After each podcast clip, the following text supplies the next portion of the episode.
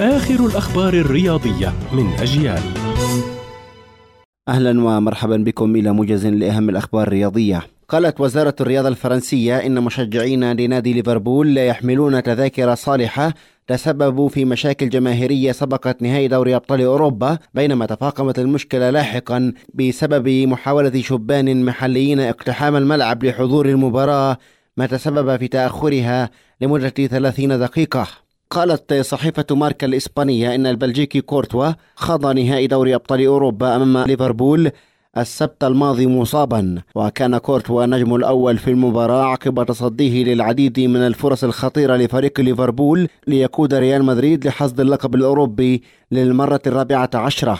ووفقا للصحيفة فإن كورتوا لم يكن سليما بنسبة 100% في المباراة النهائية وعانى من بعض الآلام.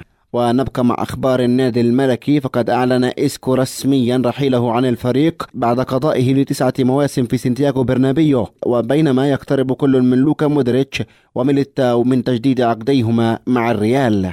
ذكرت صحيفة ديلي ستار البريطانية أن إدارة مان يونايتد تسعى لضم ديونغ لاعب وسط برشلونة وجعله اللاعب الأكثر أجرا في الفريق بحصوله على 400 ألف جنيه استرليني في الأسبوع. ولم يتضح إلى الآن موقف البرشا من بيع ديونغ في ظل حاجته للمال لتمويل الصفقات الأخرى.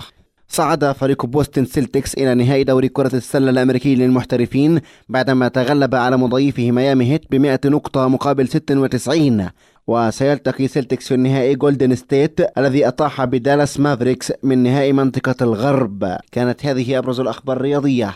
كنت معكم محمد سمحان.